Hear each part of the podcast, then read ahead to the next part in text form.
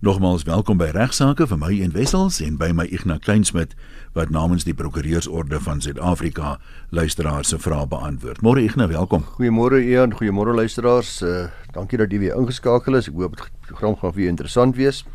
Ian, ek het so 'n paar maande terug vertel van 'n nuwe boek wat geskryf was deur 'n vriend van hierdie program en uh, iemand wat ek baie respek voor het, Gustaf Pinaar.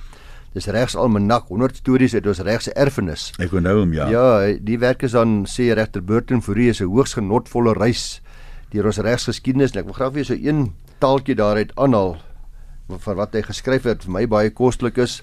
Hy sê dat wat die hierdie feite stel interessant maak is dat die hof gewoonlik in vaderskapsake met 'n onwillige pa te maak het. Uh want vaderskap beteken in ons reg onderhoud en onderhoud beteken natuurlik aansienlike geldelike verpligtinge vir baie jare om te kom. Nou uh gewoonlik ontken die man dus dat hy by die vrou gekuier het. Dit gebeur nogal baie gereeld. Dan is dit die hof se taak om te beslis waar die waarheid dan nou lê. Maar in hierdie saak was daar twee ouens wat teenstrydige aansprake gehad het. Meneer D het gesê hy is die pa van die kind terwyl meneer L aangevoer het dat dit eintlik sy kind is. So andersom, hier is so twee mense wat sê maar ek is die pa. Uh, en dan was daar nog 'n mevrou El wat gesê dat enigiemand van die twee here die pa kon wees. Sy was onseker. Uh deesdae word dispute van hierdie aard betreklik maklik deur DNS toetse opgelos op voorwaarde natuurlik dat die betrokke partye hulle samewerking verleen. Uh want dit is, is ook so, as jy dit nou nie nie dat mense kan ook mense verplig om hierdie toetse te ondergaan in ons regstelsel. Maar DNS het nie in hierdie ou saak ter sprake gekom nie. Miskien was die twee mans bang dat sulke toetse juis 'n bewys dat een van hulle nie die pa van die kind is nie. Hulle dus uh, nie die DNS roete gevolg nie. Daar blyklik het hierdie twee se regsteenwoordigers hulle hoop gevestig op twee teenstrydige regsvermoedens wat ons uit die gemeenereg geërf het. Dis 'n uh, baie interessante regsvermoedens hierdie waarna hy verwys. Die een vermoede word in die Latynse spreek pater est quem nuntiae demonstrant uitgelig. Dit beteken dat die vader van 'n kind deur die huwelik aangewys word. In 'n woorde as jy binne die eg gebore word, dan is die pa outomaties die pa of nie die pa nie dan is die die die bruidegom outomaties die pa. Is dit 'n weerlegbare vermoede? Weer weg. Al hierdie vermoedens is weerlegbaar. Met ander woorde, as die kind gebore word terwyl sy ma met 'n bepaalde man getroud is, dan is vermoed die reg dat daardie man die pa van die kind is. Nou ek sê as jy nou net gesê het hierdie vermoede kan deur getuienis weer lê word. 'n Goeie voorbeeld is artikel 3 van die Wet op Bewysleer in siviele sake wat soos volg lei: het tot weerlegging van die vermoede dat 'n kind wat uit 'n getroude vrou gebore is deur 'n man verwek is, kan sy of haar man of albei getuienis aflê dat hulle gedurende die tydperk toe die kind verwek is, geen geslagsgemeenskap met mekaar gehad het. So is 'n weerlegbare vermoede. Die ander vermoede is, die tweede een is dat indien 'n vrou swanger is of reeds aan 'n kind geboorte geskenk het en 'n man erken dat hy so sy's of swanger of sy's reeds 'n ma en 'n man erken dat hy met haar gemeenskap gehad het en uh, sodanige erkenning boonop klop met die 9 maande tydperk, die 9 maande ding wat hy van praat by die spesies Homo sapiens is nou die die die, die ons almal dan vermoed jy reg dat hy die vader van die kind is. Ook hierdie vermoede kan natuurlik deur getuienis verlê word. Nou, regter Harms in hierdie saak wat hy na verwys, het dus te maak gehad met twee teenstrydige vermoedens.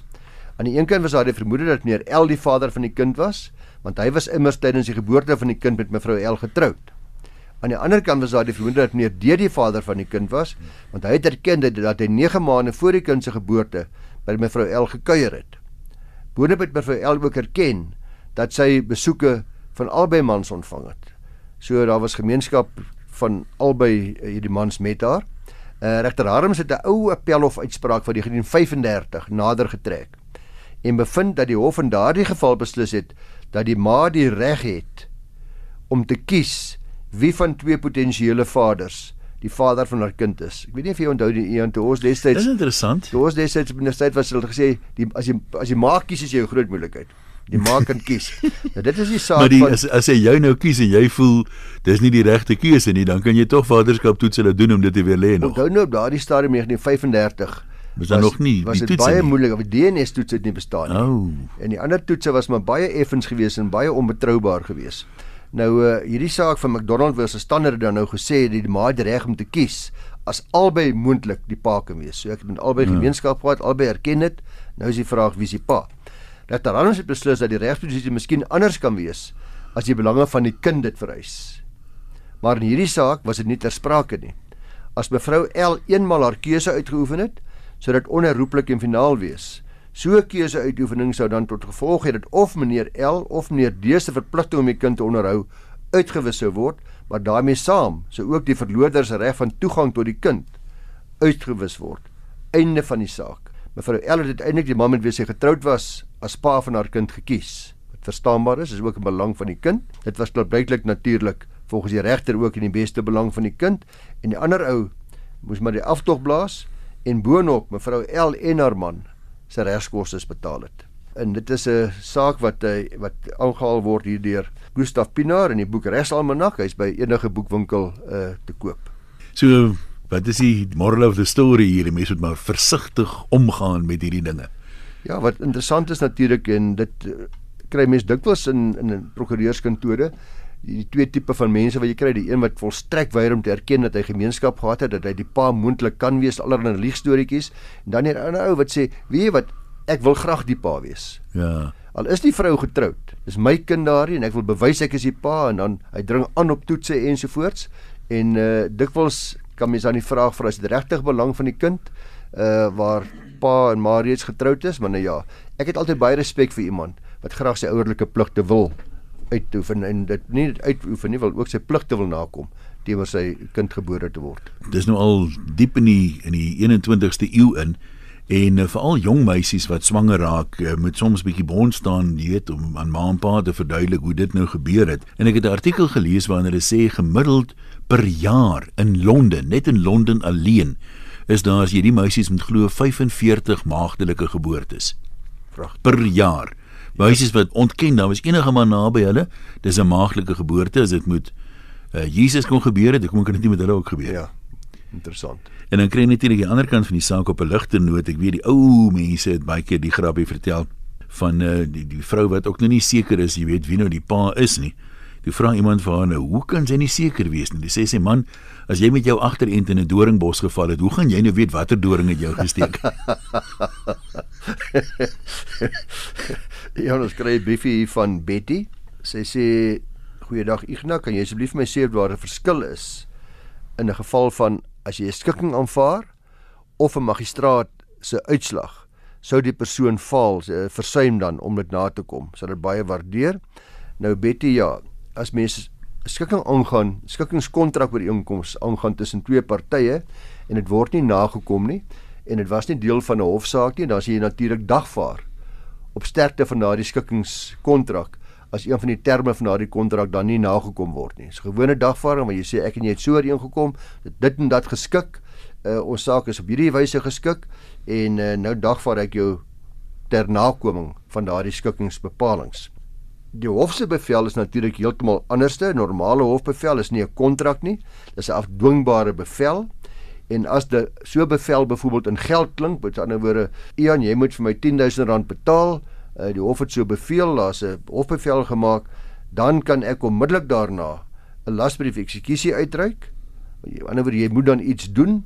As jy nie betaal nie, dan kan ek jou bates gaan vat of ander stappe neem wat volgens reg gemagtig is. As dit nie in geld klink nie, 'n hofbevel nie, voel jy moet iets doen binne 'n sekere tyd en jy versuim om dit te doen, dan kan ek weer vra dat jy in twee dinge jou bevel vra wat jou verplig om dit na te kom en terselfdertyd vra dat jy tot minnagting van die hof ter gevangenisstraf verwys word omdat jy versuim het om die hofbevel na te kom. Wat egter dikwels gebeur en dis dalk waar Betty se navraag uit voortspruit, is dat terwyl mens besig is met 'n siviele litigasie, dan gaan die twee partye skikkingsooreenkomste aan. Aan ander woorde, dit dit is anderste want in daardie geval eh, kan jy dan vra dat hierdie skikkingsooreenkomste in 'n hofbevel beliggaam word. So ons is besig met litigasie, dan besluit ek die twee prokureurs hulle gaan die saak skik en ons sê kom ons gaan oor die inkomste aan, A gaan vir B soveel betaal of wat ek nog dit mag wees, uh, en dan sal 'n uh, eh, goeie prokureur sal altyd daarop aandring dat die party wat dan sekere verpligtinge het, die ander party uh, dan toestem daartoe dat hierdie ooreenkoms in 'n hofbevel beliggaam word. Sodra dit gebeur, dan het hy weer dieselfde krag as 'n hofbevel wat onmiddellik afdwingbaar is. Ek hoop eh, baie dit verduidelik vir jou die verskil.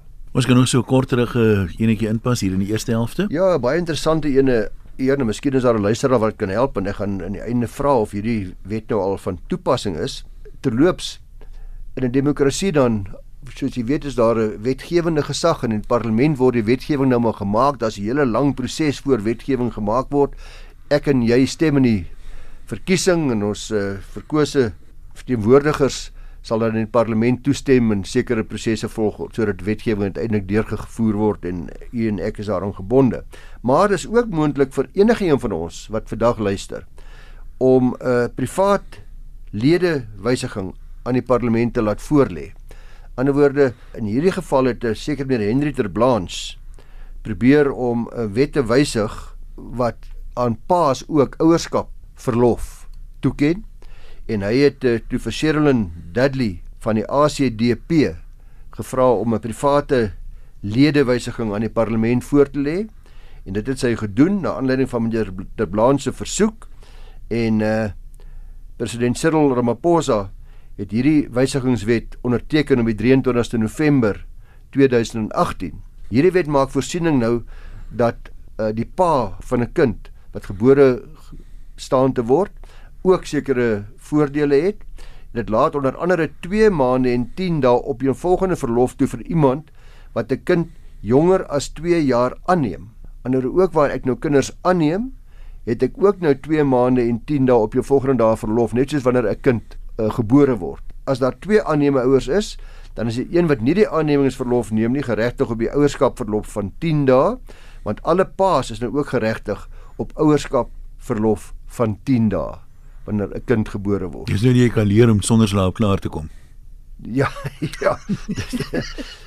die, net soos ook terloops ek het ook gesien dat die 10de ouerskapsverlof het ook die dekking van die werkloosheidsversekeringsfonds wat aan pa toegestaan word. Want soos ons weet vrouens wat hierdie verlof neem, kraamverlof, kan 'n sekere deel van hulle salaris aan uit van die werkloosheidsversekeringsfonds. Maar dis dis beduidend minder as die volle salaris. Ja, dis beduidend minder. Ek wil amper sê dis hier in 'n omgewing van amper 'n bietjie 40, 50%. Ek het 45% gehoor op bestaan. Daai daai omgewing, maar in elk geval uh dis belangrik dat in hierdie wysigingswet wat nou goedgekeur is deur die parlement en onderteken is deur die president word albei ouers se rol as versorging erken as versorgers ja. van hierdie baba gebore te word en die nuwe wetgewing gee aan almal dan gelyke geleenthede. Dis natuurlik nou 'n goeie vraag of mense dit uh, gaan gebruik of nie.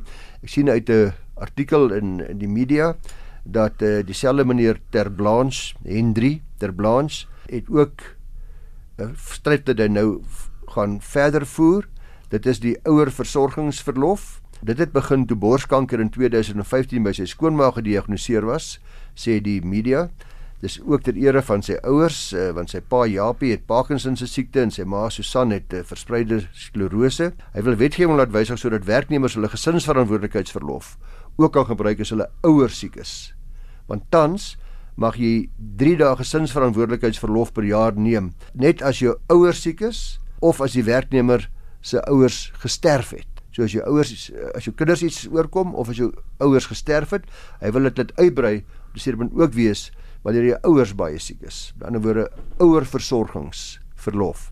Nou sterkte daarmee, ek dink baie mense sal waarskynlik hiermee saamstem en dit sal verwag na verwagting enige tyd nou ook deur die parlement uh, bereg word. Wat die inwerkingtreding betref van hierdie artikel wat al goedgekeur was op 23 November 2018, kon ek nie vasstel of dit deur in werking getree het nie. Ek het gesien op 'n stadium daar's verwagtinge dat dit op 1 Januarie in werking sou tree hierdie jaar 2019. Ek sou tog graag wou hê dat uh, luisteraars vir ons dringend laat weet of dit dalk reeds in werking getree het al dan nie. En hulle kan direk vir jou per e-pos laat weet. Asseblief by Igna uh, by vvd.co.za. Dis ook 'n adres waar jy jou vrae kan stuur vir toekomstige programme. Igna by vvd.co.za. Ja luisteraars, uh, dis jy almal weet daar's talle gevalle deesdae van munisipaliteite, plaaslike bestuurde wat toelaat dat riool in strate afloop, selfs in riviere beland en drinkwater beland. En ek het vir Donet Haminga daar by Van Velden Duffy omgewingsregkundige gevra om uh, vir ons 'n bietjie hierna te kyk en veral na hofsaak wat onlangs bespreek is die Profshaft Master saak en sy sê die volgende sy sê 'n persoon se gevoel van omgewingssekuriteit in verhouding tot die potensiële risiko's en gevare van 'n omgewingsramp val binne die bestek van beskerming bedoel in artikel 24 van die grondwet.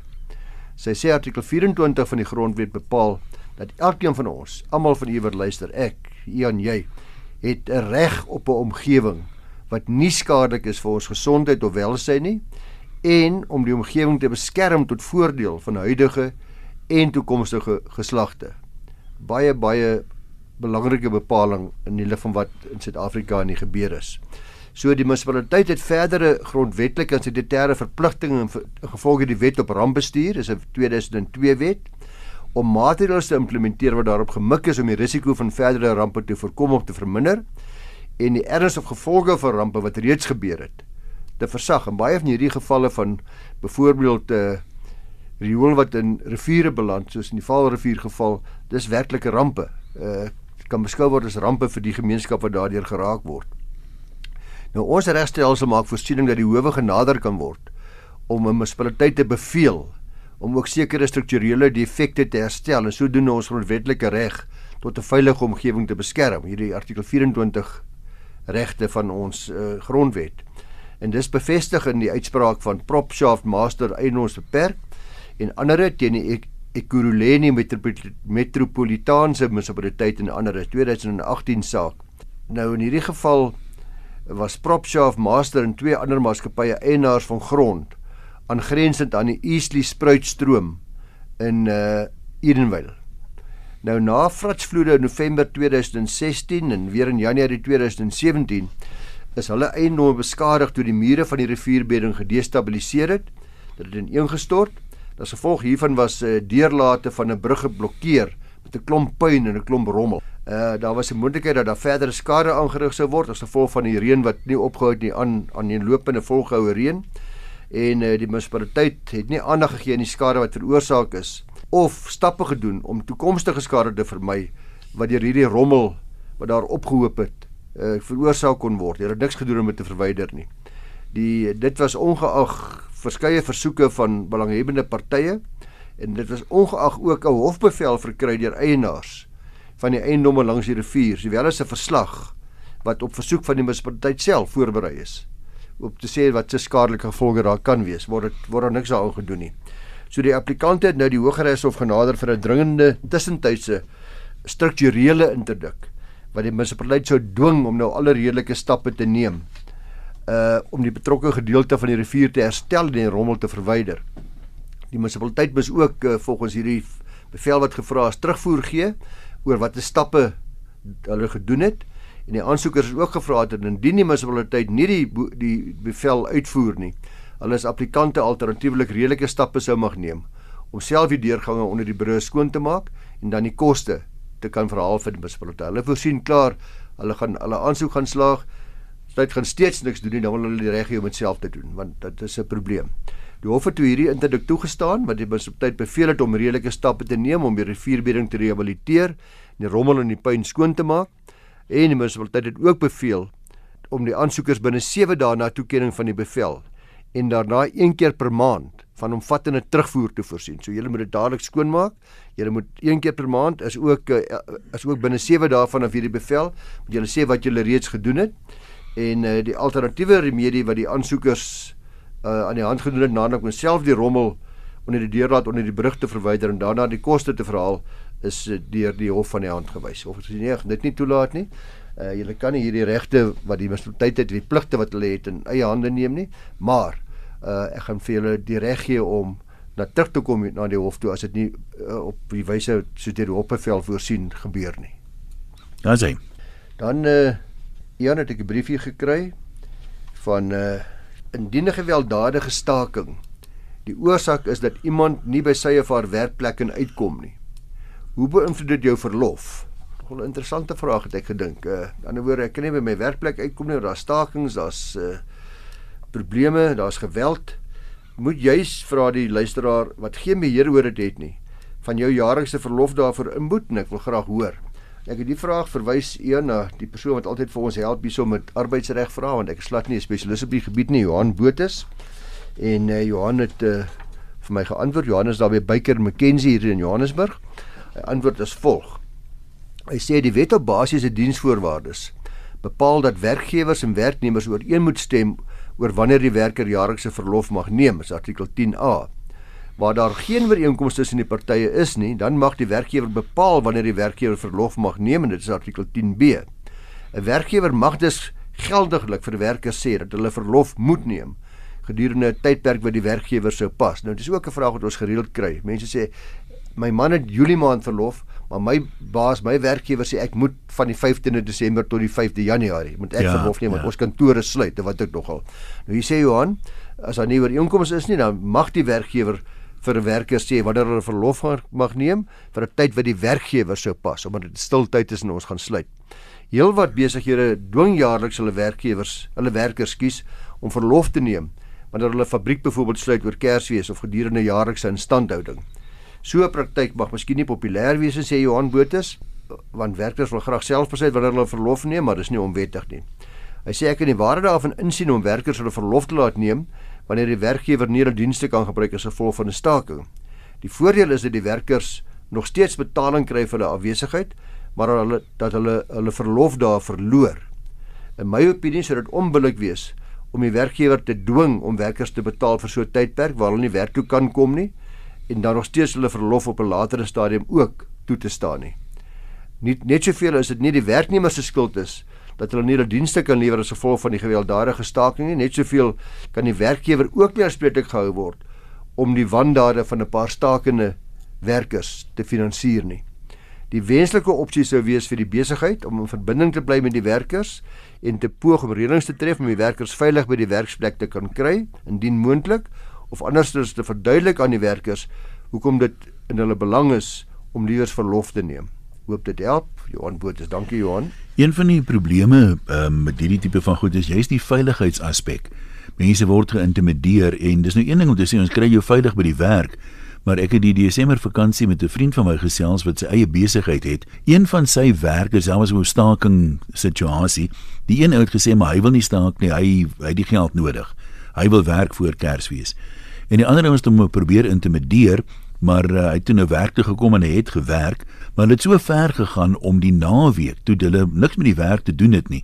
Hierdie ou op 'n bus met 'n mes te steek. Iemand ja. daar het om op wetsaand om op die bus ja, geklim en ja. jy's mos die man wat nie wil luister as ons praat nie. Ja. Jy weet dit is 'n baie wesenlike probleem. Dis nou een ding om te sê ek ek is nou nie by die werk nie, maar as jy jou te openlik teensit, hierdie ouens merk jou en volg jou en daai wetteloosheid is 'n is 'n groot probleem. Ja, nee, is 100% reg.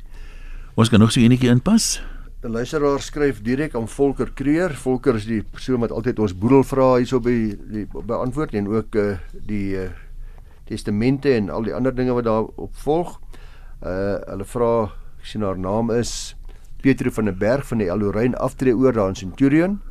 Sy sê goeiemiddag. Uh wat staan ons te doen om iemand aan te stel, byvoorbeeld my seun om my geldsaake te hanteer as ek dit so verkies. Ek is psigies nog heeltemal in staat om korrekte en positiewe besluite te neem. My liggaamlike toestand is egter die probleem. As hy magtig om my bankrekening kry is dalk aanvaarbaar. Wat doen ons wanneer my seun oorsee is en dan sê sy baie dankie vir die goeie raad. So sy wil my eintlik weet wie kan oorneem as my finansiële sake uh, as ek dit nie meer self kan doen nie en Volker sê jy kan 'n algemene volmag te gunste van jou seun teken.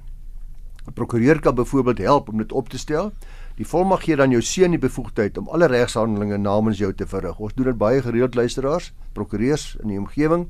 As jy wil hê dat iemand moet aangestel word, u gaan byvoorbeeld vir 3 maande oor see of watter rede ook al, iemand met jou geld sake hanteer, dan is daar volmagte wat daarvoor voorsiening maak en dit kos nie 'n fortuin om so volmagte te opstel nie. Jy kan ook dan sê volke saam met hom bank toe gaan sodat jy met die algemene volmag by die bank kan reël dat hy tekenregte en elektroniese magtigingsregte vir jou bankrekening bekom wat ook deel is van wat jy moet doen as dit oor die banksaake gaan. Die banke dan ook gewoonlik vorms wat geteken moet word en gaan die algemene volmag waarskynlik nie voldoende wees nie. So die die bank het ook vorms wat jy wat hulle vereis afgesien van die algemene volmag om tekenregte ensovoorts te verleen. Let op uh, sê dat volmagte in ons reg verval. Dis belangrik. Sodra die volmaggewer nie meer self handelingsbevoeg is nie as gevolg van byvoorbeeld demensie. In ander regstelsels kan persone 'n sogenaamde enduring power of attorney, 'n aanloop aan eenlopende power of attorney teken wat dan ook nog geld al is die volmaggewer nie meer handelingsbevoeg nie. By ons is dit egter ongelukkig nie moontlik nie en volker beskou dit as 'n leemte in ons reg en ek stem saam. By ons sal 'n mens met aansoek doen vir die aanstel van 'n kurator of 'n administrateur waar die persoon nie meer handelingsbevoeg is nie. Dit gaan ongelukkig met heelwat kostes gepaard. Dan wat die navraag oor die seun aanbetref wat dalk oor see gaan wees, behoort hy ook van daar af met elektroniese bankdienste te kan help. Dis nie 'n probleem nie. Hy sal ook daar regsdokumente kan onderteken wat ons gereeld doen met buitelandse kliënte. Dit gaan egter normaalweg met 'n klomp addisionele vereistes gepaard. Maar uit 'n praktiese oogpunt sê Volker, is dit beslis makliker as iemand in die land volmag het om regsdokumente namens jou te onderteken namens iemand te onderteken. Dankie Volker Kreer van van Velden Duffy. Dis alwaar ons gaan tyd hê vandag as jy vir Ignas vrae wil stuur vir beantwoording hier op regsaake, kan jy dit direk vir hom stuur na igna by ffd.co.za. Onthou ook aan die programme van regsaake is as potgoeie beskikbaar op die webwerf rsg.co.za. Mooi loop ons gesels volgende week weer.